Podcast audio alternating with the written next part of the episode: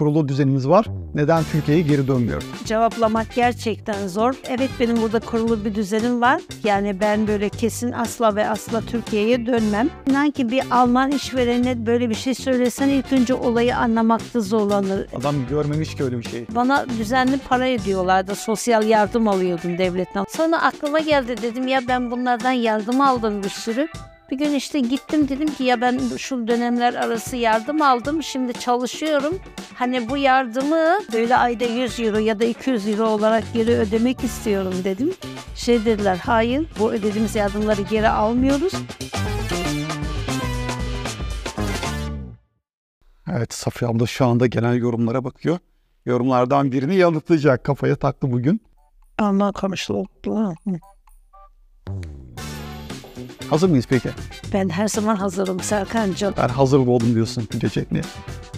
Hepinize merhaba. Artık 49'dayız yine. Ben Serkan Bey'de. Karşımda Safiye ablamız var. Merhabalar. Nedense benim soyadım var ama Safiye ablanın soyadı yokmuş gibi. Onun soyadı abla. Kadının adı yok. Kadının soyadı yok. Nasıl iyi misin? Sağ olasın çok iyiyim. Sen nasılsın? İyilik valla. İki saattir çekim maratonundayız. Yeni çekime girebildik. Teknik sebepler, bir yandan konuyu bütünleştirmek falan derken şu anda kayda başladık. Böyle üç kuruşa beş köfte yok. Yani bir emek yatıyor burada. Kesinlikle emek yatıyor. Ya sen çok Gerçekten. emek veriyorsun özellikle. Bu varlığın çok çok Yo vallahi ben bir emek vermiyorum. Ben sadece konuşuyorum. Emeği sen veriyorsun. Bütün tek yani ben teknik işlerden anlamıyorum. Serkan'ın yapmış olduğu bu stüdyodan hiç an- bir bilgim yok. Bana tamamıyla uzak bir dünya. Meslek alanıma da tamamıyla uzak bir dünya. Ben sadece konuşuyorum ama bütün işleri sen yapıyorsun. Yok o da emek. Tamam yani projeyi ben fikir olarak buldum ve Safiye abla sen zaten bizim özel hayatımızda sohbetini çok sevdiğimiz bir insansın. Gel buraya otur demiş olabilirim ama sonuçta anlattığı şeyler, samimiyetin falan bunlar bu emeği birazcık daha yükseltiyor yani senin de desteğinle. Teşekkür ederim. Sağ olasın. O yüzden yarı yarıya teşekkür ederim bu arada sözlerin için. Evet videoyu böyle kendimize övmek üzere açtık gibi ama hayır öyle değil. Aslında bugün çok güzel şeylerden konuşacağız. Türkiye'ye dönme ihtimalimiz var mı yok mu ya da niye dönmüyoruz gibi konuları değerlendireceğiz. Videoya geçmeden önce eğer artı 49'u beğeniyorsanız beğen butonuna basmayı ve eğer kanala abone değilseniz abone ol butonuna basmayı unutmayın. Her perşembe bu kanalda sizlerle yeni bir konu üzerine Safiye abla ile birlikte konuşuyoruz. Hazırsan Transfergo'nun katkılarıyla artı 49 başlıyor. Ama öncesinde senin söylemek istediğin bir şey Ay vardı. evet ya. Onu ben hiç konuya atlamadan sana bırakayım. Ay evet ya geçtiğimiz videoların birisinde bir tane anne özellikle bana sormuştu ona cevap vermeden e, yapamadım. Aşağıda yorumlarda yazmışsın. Evet aşağıda yorumlarda yazmıştı sonuçta ben de bir anneyim yani o çok iyi anlıyorum o annenin e, duygularını. Soruyor diyor ki işte kızım Almanya'da yaşıyor komşularıyla hani çok fazla böyle e, girdisi çıktısı yok. Kapıyı tak kapıyı çalsa ben geldim hani Alman komşuları bunu nasıl karşılar gibisinden filan soruyor bir tane anne. E, yani şunu şöyle söylemek lazım. Hani nasıl bütün Türkler bir değilse bütün Almanlar da bir değil. Buna böyle çok evet ya da hayır gibi kesin bir cevap vermek çok zor. Ama genelleme yapmak gerekirse Almanlar böyle Çat kapı insan değiller. çat kapı ben geldim milli piyangodan çıktım dercesine Almanlar bu tür şeyleri asla asla sevmezler yani. Onu kime yapabilirsin? Gerçekten çok uzun zamandır tanıdığım bir arkadaşın falan olabilirse e, bunu yapabilirsin. Yani ben bunu Francisca'ya yapabilirim. Ama bir başka insana da yapabilir miyim? Yani bir sürü arkadaşım var. Gerçekten düşünüyorum şimdi. Yapabilir miyim? Çoğuna yapamam. Yani ki birbirimize gidiyoruz geliyoruz ama yine de yapamam. Yani Almanlar bu tür şeyleri sevmiyorlar. Ha, hiç mi komşulukları yok? Elbette komşulukları olan insanlar da var. Yani hani senin bir şeye ihtiyacın olduğunda gidip sorabileceğin insanlar da var. Verirler de. Benim onunla alakalı örneğim var. Mesela bizim alt katımızda çok e, sevimli bir çift oturuyordu. Yaşlı, emekli karı koca. Yakın zamanda ayrıldılar. Çok da üzüldüm hatta. Gittim dedim ayrılıyor musunuz? Vedalaştık. Her neyse onlara mesela matkap için bir kere kapılarını çaldım. Verdiler. Sonra sohbet etmeye başladık kapı önünde. Daha sonra kapı önünde merdiven arasında çok sık denk gelmeye başladık. En son yine bir şey için kapılarını çalmıştım. Sırf böyle hani kapıdan bir şey alacağım diye beni içeri aldılar. 45 dakika sohbet ettik. Bahar merak etti. Telefonsuz da aşağı inmişim. bir alt kat ya telefon oynayayım. Adama ne oldu? Bahar merak etti. Neredesin bu saate kadar? Dedim bana tatil anılarını anlattılar. Tatilde çekmiş olduğu fotoğrafları, duvarlarını gösterdiler falan. Çok sohbet canlısı insanlardı. Mesela onlarda çat kapı çaldığımda eve girmeye başlamıştım. Öyle bir şeyim yoktu. Ama tabii ki de belli ki onlar da bana güveniyorlardı sürekli git gel yapa yapa. Ama ilk kez kapısını çalacağımız bir kişi muhtemelen senin dediğin gibi biraz e, şok olabilir. Yani Almanların alışık olmadığı bir şey. Yani Almanlar öyle zaten böyle çok girdili çıktılı ilişkileri sevmezler. Yani bu konuda çok böyle Mesafeli. mesafeli sınır koymayı çok severler. İşte dediğim gibi yani kızınızın komşuları nasıl tabii yani çok kesin böyle katı bir şey söylemek zor ama Almanlara yönelik bir e, kültür değil, bir alışkanlık değil. O yüzden kızınız birazcık önce böyle çat kapı ben geldimden öte farklı bir ortam onlarla kurarsa merdivende konuşarak şu bu falan filan en azından onların nabzını ölçebilir. Belki öyle olabilir yoksa çat kapı Halo papa ben geldim gibi maalesef Almanlar o tür şeyleri sevmiyorlar. Ama ayaküstü sohbete önem veriyorlar aslında. Ayaküstü vakitleri varsa. merdivende, merdivende evet sohbeti seviyorlar. Hatta benim bir tane yaşlı nenem var. Ben bakıyordum aşağı yukarıdan aşağı mi? inerken. Ha, benim OBS 52 yıldır aynı binada bilenler- oturuyor. Evet yukarıdan inerken bakıyorum böyle bazen çok acelem olduğu zaman eğer merdivende oralardaysa inmiyorum. Çünkü biliyorum ne zaman ne kadar da desem ki benim acil gitmem lazım desem bile dur dur diyor moment diyor. Bir saniye diyor böyle beni tutuyor böyle ben artık böyle bazen o kadar strese giriyorum ki çok da kırmak da istemiyorum ama yapacak bir şey yok yani bazıları öyle. Merdivende konuşmaya evet ama evine içeriye girmesine hayır yani öyle tipler. Konumuza geçecek olursak şöyle aslında başlık üzerinden gidelim. Kurulu düzenimiz var. Neden Türkiye'ye geri dönmüyoruz? Konumuz bu. Bu ya da gurbetçilere yapıştırılan bir söz ya da belki birçok gurbetçi de sokak röportajlarında ya da sağda solda bu cümleyi kurdukları için bu artık bir internet fenomeni haline gelmiş bir cümle senin de bildiğin üzere. Ama buraya bir yıl önce taşınan birini bile kapsıyor artık baktığımız. Çünkü o da artık yeni gurbetçi ve onun da Türkiye'ye geri dönme ihtimali var. Dolayısıyla bunu biz de sahiplendik. Ben burada 7 yıldır yaşayan biri olarak Safiye ablamız da 30 yıldan fazladır yaşayan bir gurbetçi olarak belki de kendi kurulu düzenimizi ya da böyle bir düzen var mı yok mu bunu ortaya çıkararak neden dönmeme hikayemizi anlatabiliriz diye düşünüyorum. Yani aslında çok zor bir soru. Bu soruyu cevaplamak gerçekten zor. Ama hemen böyle bir çırpıda cevap vermem gerekirse e, evet benim burada kurulu bir düzenim var. Yani ben böyle kesin asla ve asla Türkiye'ye dönmem. Ne yaparım yaşlandığım zaman, emekli olduğum zaman 3 ay 4 ay kalırım.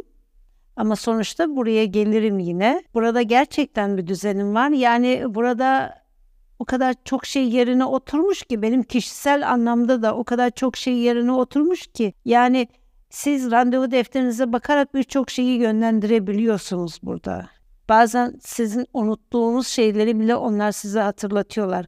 Mesela bu ay o kadar çok yoğun randevularım vardı ki yani inanın araya bir randevu daha sıkıştıracak şeyim yoktu. Çünkü bu ay ben çok yoğun çalışıyorum işim gereği. Ayrıca randevular insanı artık bir süre sonra yoruyor.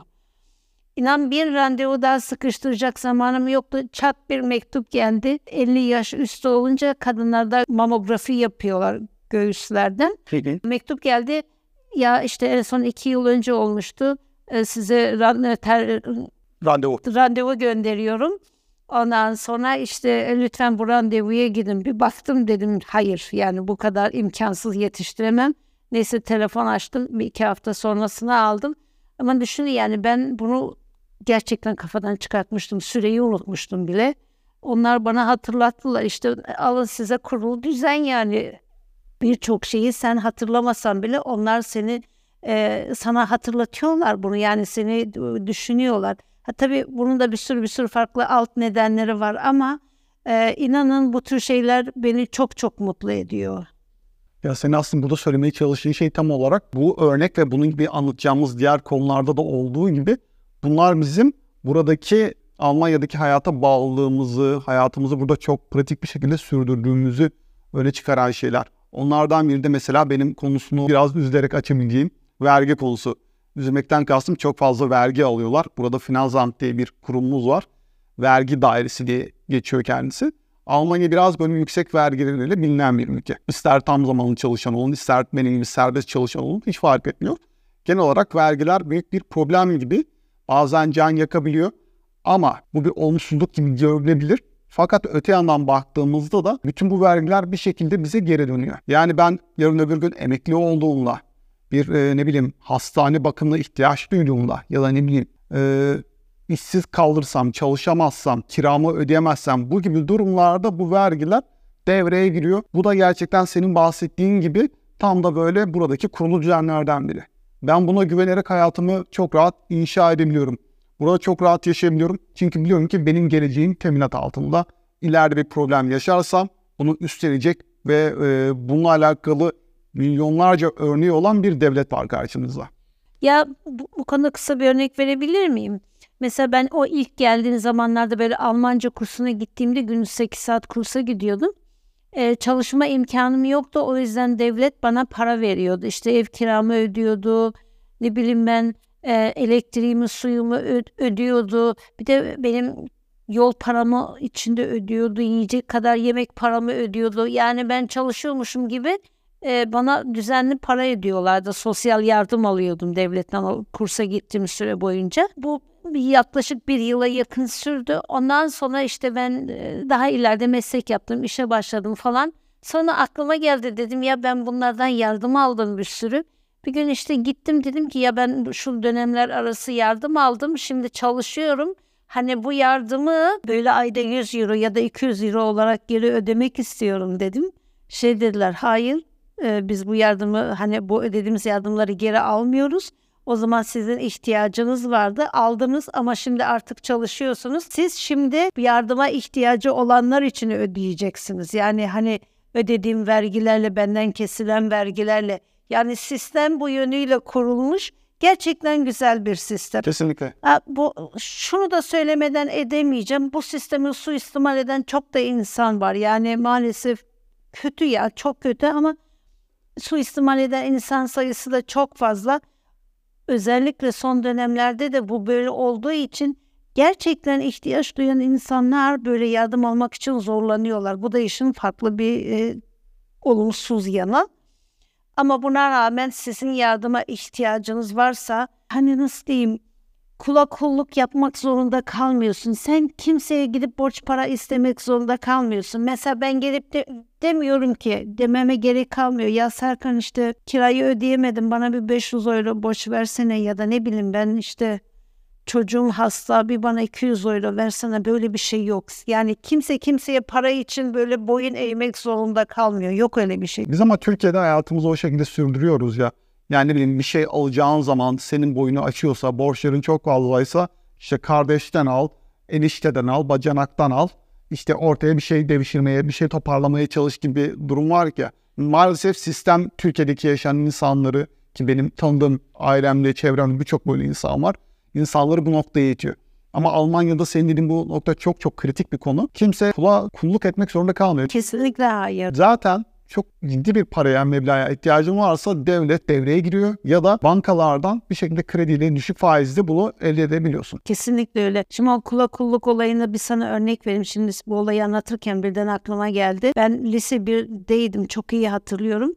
Ee, ben o zaman Türkiye'deyken e, atletizmle uğraşıyordum, koşucuydum. Bir yarışa katılmak için kayıt için para ödemem lazım. Babama dedim baba ben koşacağım dedim işte şu kadar para lazım. Babam dedi ki daha maaşımı almadım dedi paramız yok. Ben yani illa katılacağım da katılacağım yani paramız varmış yokmuş çok şey yapmak istemiyorum. Yeter ki ben gidip koşacağım orada yani o yarışa mutlaka katılacağım. Sonra babam dedi ki ya dedi problem değil dedi git dedi dayınlardan iste dedi. Ben dedi maaşımı alınca götürür veririz. Şimdi ben evden çıktım. Dayımlarla bizim aramızda 2-3 kilometre var. Yemin ederim hiç durmadan koşarak zaten gittim dayımlara.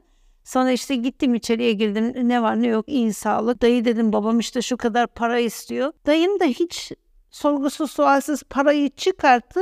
Böyle elime verdi. Paranın yarısı dayımın elinde yarısı da benim elimde. Böyle yaptı. Kızım parayı ne yapacaksınız dedi. Dedim ki dayı ben yarışa katılacağım dedim. Koşacağım da dedim kayıt parası yok. Dayım parayı benden bir geri çaktı. Böyle yaptı ağzına sıçtı mı yedin ekmek parası bulamıyorsunuz yemeğe koşu için para mı istiyorsun dedi. Yok dedi benim koşu için falan param dedi. Parayı aldı cebine geri koydu. Yok ya. Ben nasıl biliyor musun? Hayal kırıklığına uğradım, şok uğradım. Bir de paranın yarısı elimdeydi zaten. Sinirle bu sefer koşarak eve gittim. Bugünkü antrenmanımı yaptım yani.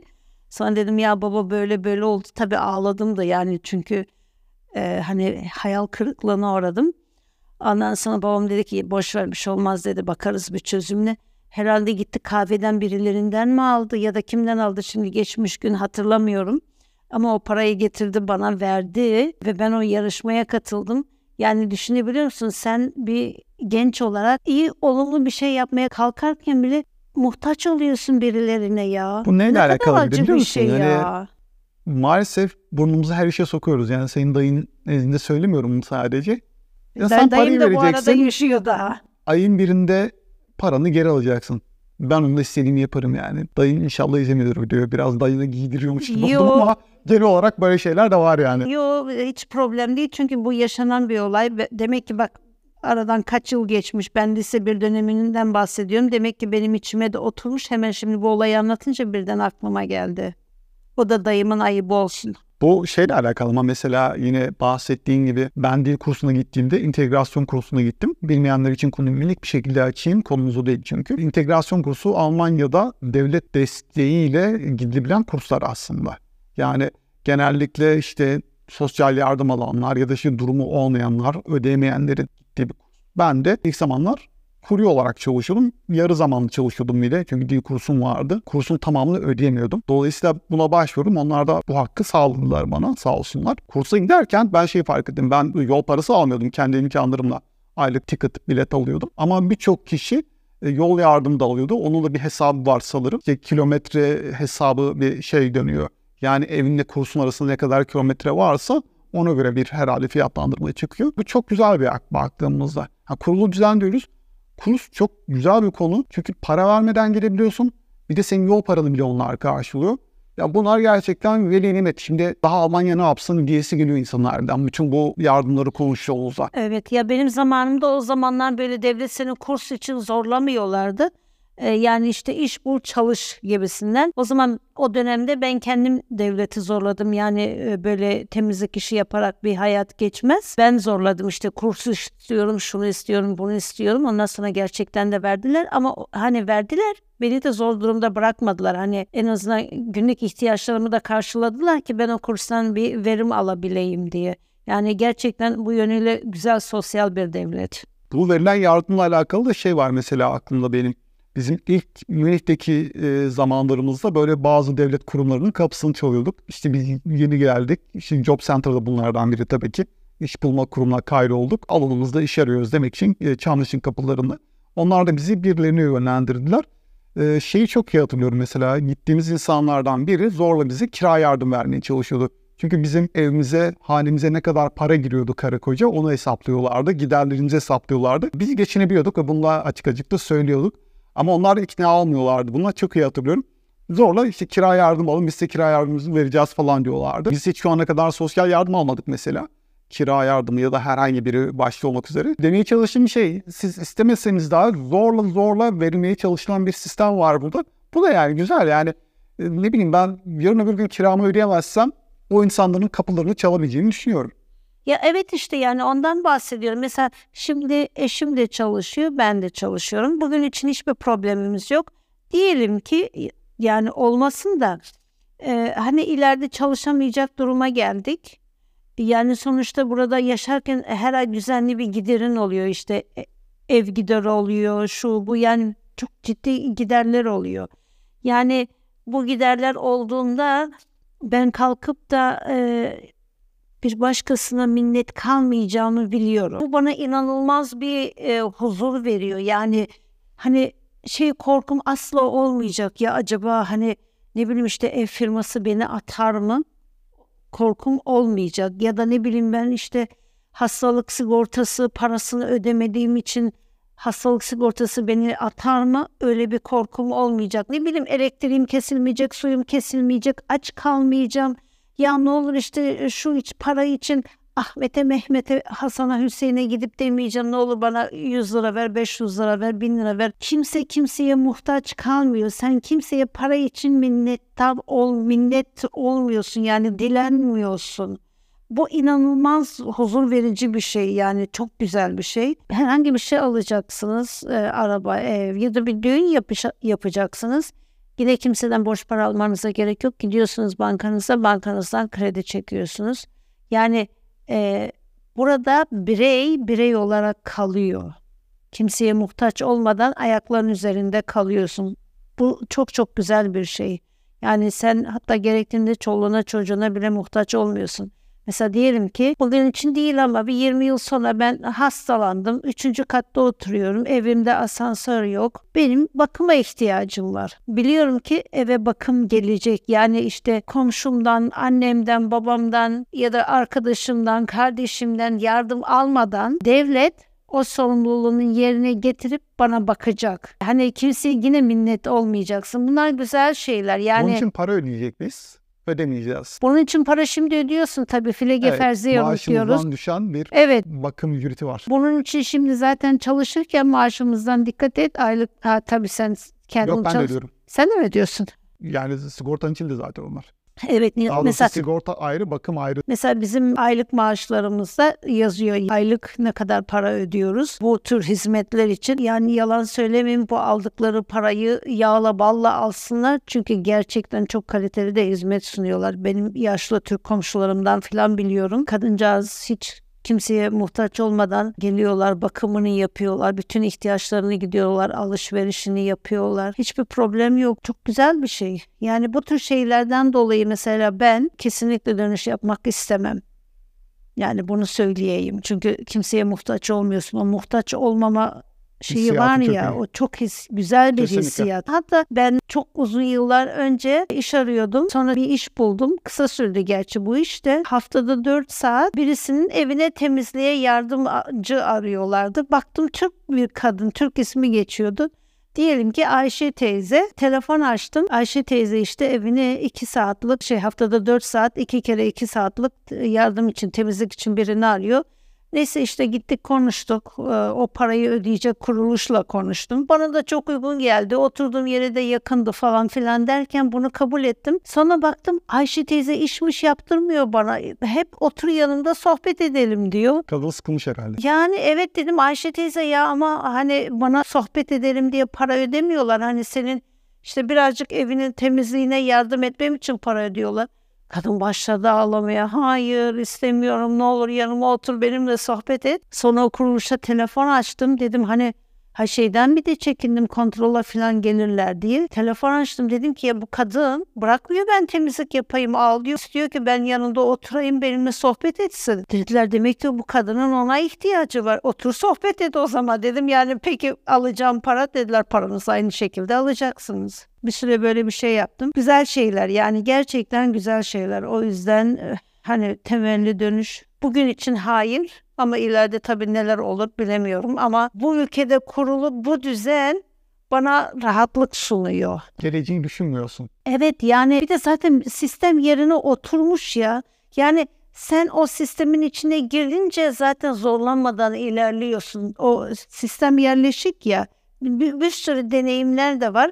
Sen otomatikman o sistemin içinde yol alıyorsun. Ben bu sistemle alakalı hep şunu düşünüyorum. Almanya'ya gelen birine kimse bir kullanma kılavuzu vermiyor ya da kimse bir buraya entegre olma kılavuzu vermiyor ama sen bir şekilde sistem içine dahil oluyorsun. Sanki yıllardır burada yaşamış gibi bu kurallarla devam ediyorsun hayata. Ben de öyle oldu yani gördüğüm insanlarda da öyle oldu. Yani kimse çarkın dışında kalmaya çalışmıyor. Sistemin güzelliği de tabii ki yani sen bilmesen bile senin evine mektup atıp ben mektup konusunu çok eleştiririm ama yine de e, çok güzel bir şey. Niye güzel? Çünkü diyorlar ki bak işte bu senin tax vergi numaran.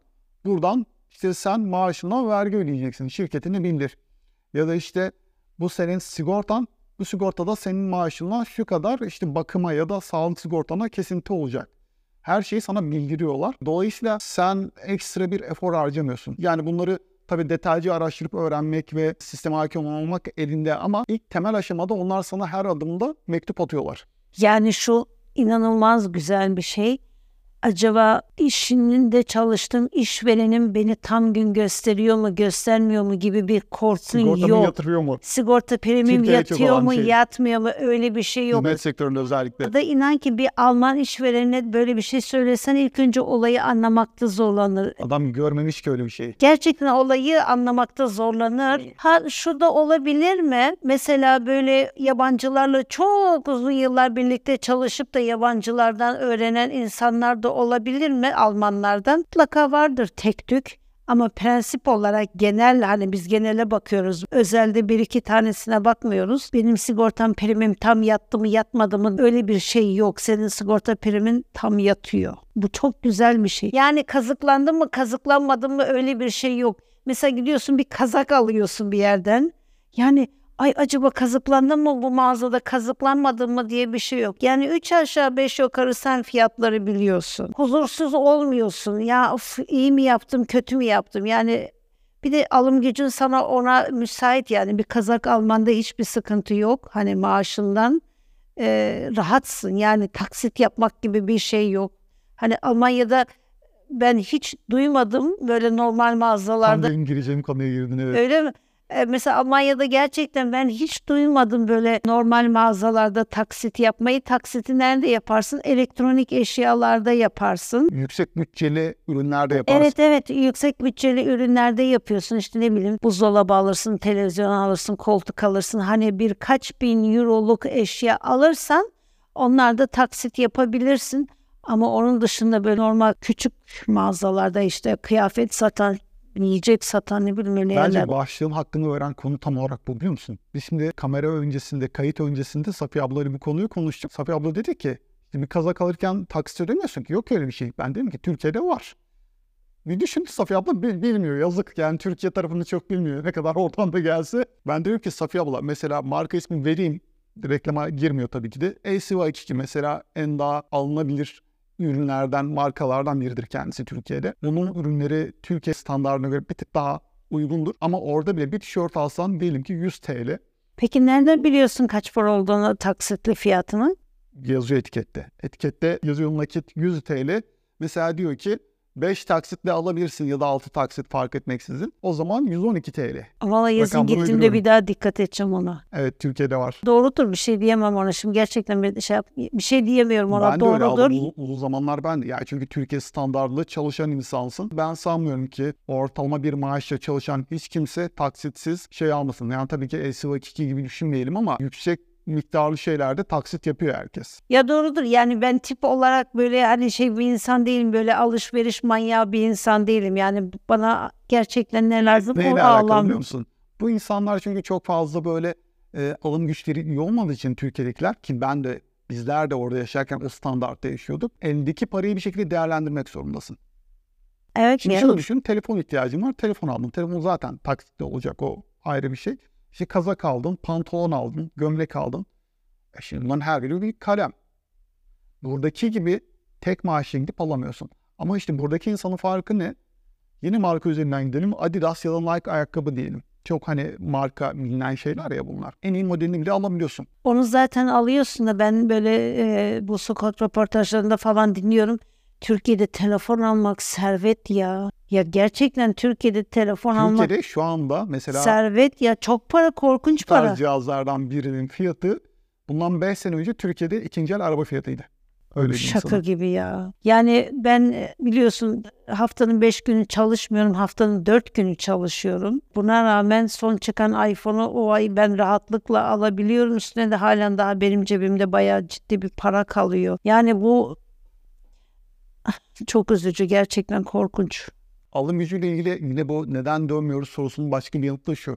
Mesela burada iki tane market zinciri diyelim. Biri daha düşük, herkese hitap eden diyelim. Diğeri de daha pahalı bir market zinciri. İkisi arasında uçurum farklar yok. Ama Türkiye'dekinde bayağı farklar var. Ya mesela şunu düşünelim burada A marketi düşük diyelim, B marketi de daha yüksek bir e, fiyatta sahip market. Peynir diyelim mesela aynı gramda 200 gram peynir. İkisi arasında 20 cent fark oluyordur. Dolayısıyla sen burada şeyi hesaplamıyorsun. Bugün buna değil de buna gitsem ay sonunu getiremeyeceğim diye bir şey söyleyemiyorsun. Ya da başka bir örnek vereyim sana. Ben burada şeye hiç denk gelmedim. Hiç kimse mesela böyle elektrik faturamı ödemedim. Serkan bana 100 euro borç var. Yok öyle bir şey. Öyle Adam, bir şey yok.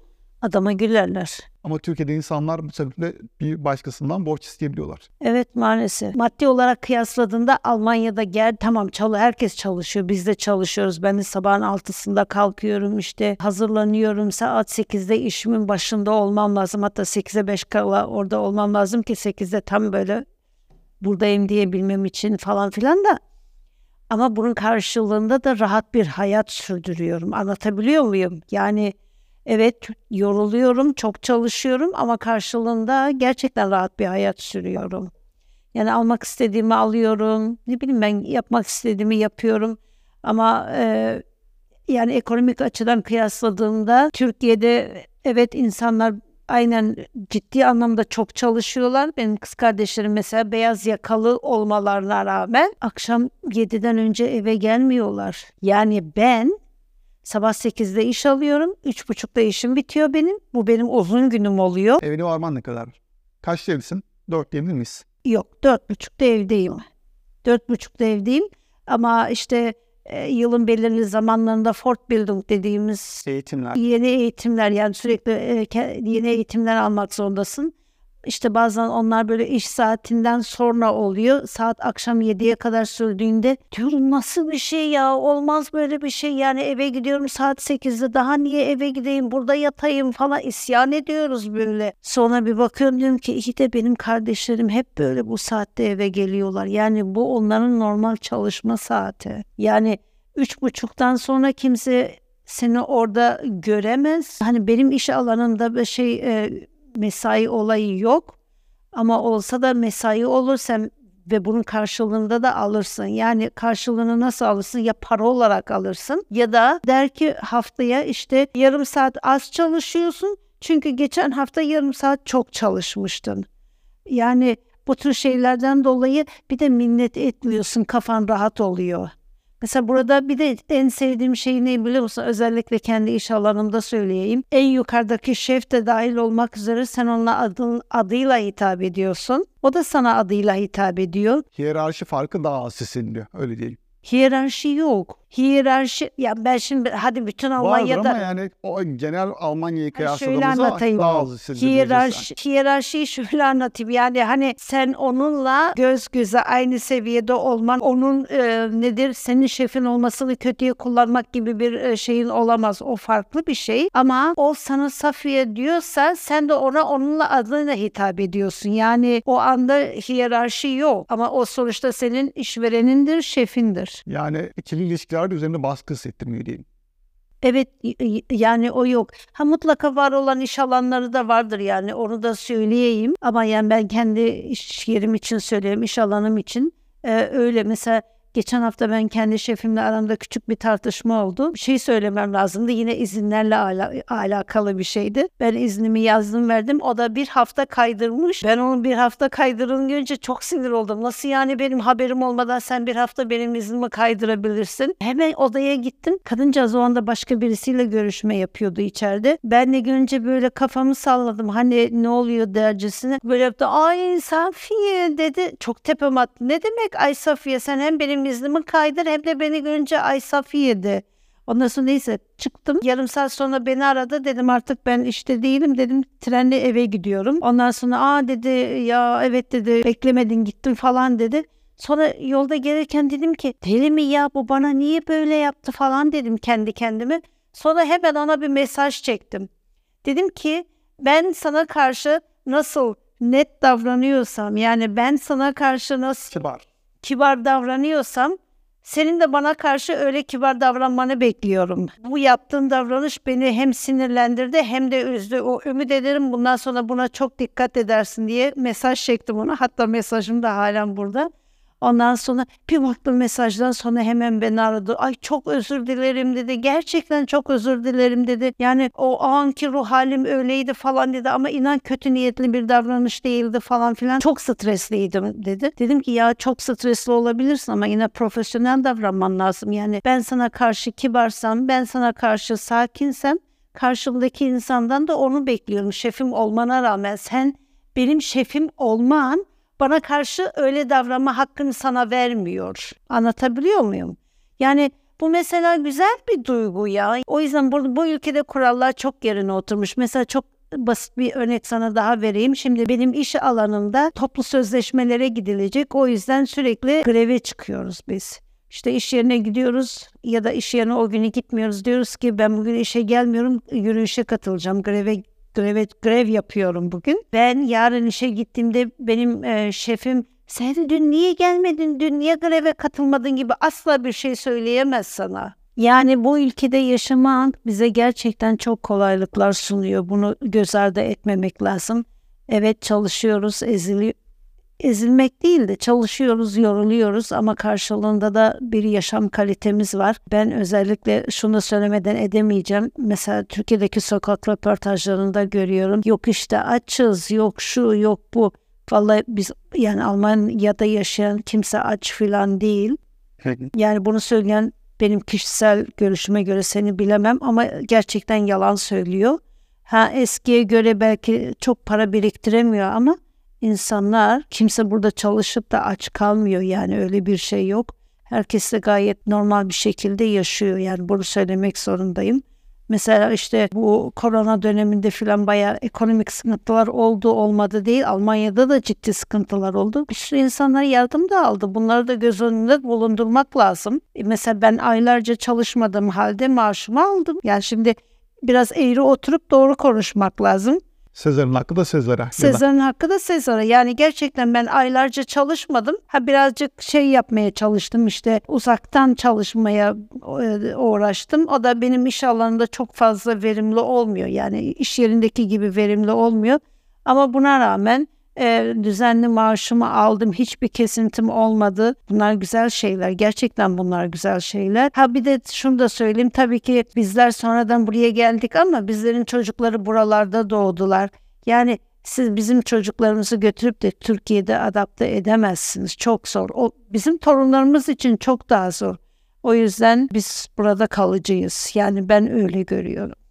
Anladım herkes için hakkında hayırlısı diyelim o halde. Evet. Ee, bölümü sonuna geldik. Ağzına sağlık. Yine dop dolu bir video oldu sayende. Sağ olasın. Çok şey konuştuk. Çok önemli konuları yatırdık. Almanya'da yaşayanlar da fikirlerini aşağıya yazabilirler. Aynı düşünüyorlar, farklı düşünüyorlarsa onu yazsınlar hiç fark etmeksizin.